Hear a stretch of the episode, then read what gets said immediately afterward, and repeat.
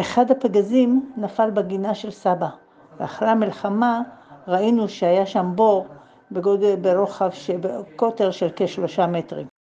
בכל לילה היו הנהג, האנשים של הגה, החיילים של הגה מסתובבים ברחובות ואומרים לא להדליק אורות, לשמור על החושך, להישאר במקלטים.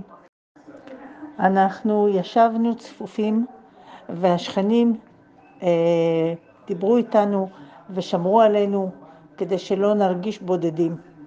באמצע המלחמה סבתא באה מבית החולים לראות מה שלומנו וחזרה לטפל בסבא החולה. זה מכיוון שסבתא לקחה את סבא לבית חולים והיינו ילדים קטנים. אז אכלנו הרבה פטיבר עם שוקולד וחלב. סבא לפני כן בנה מקלט מתחת לבית משקים של חול, וביום המלחמה ישבנו ב... בתוך המרחב הקטן הזה עם השכנים שלנו שבאו לשמור על...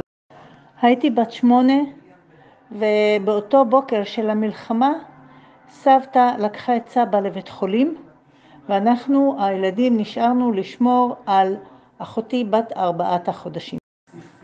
היי, תמר, אני נותנת לך הקלטה של עיקרי הדברים של מלחמת ששת הימים מזווית אישית.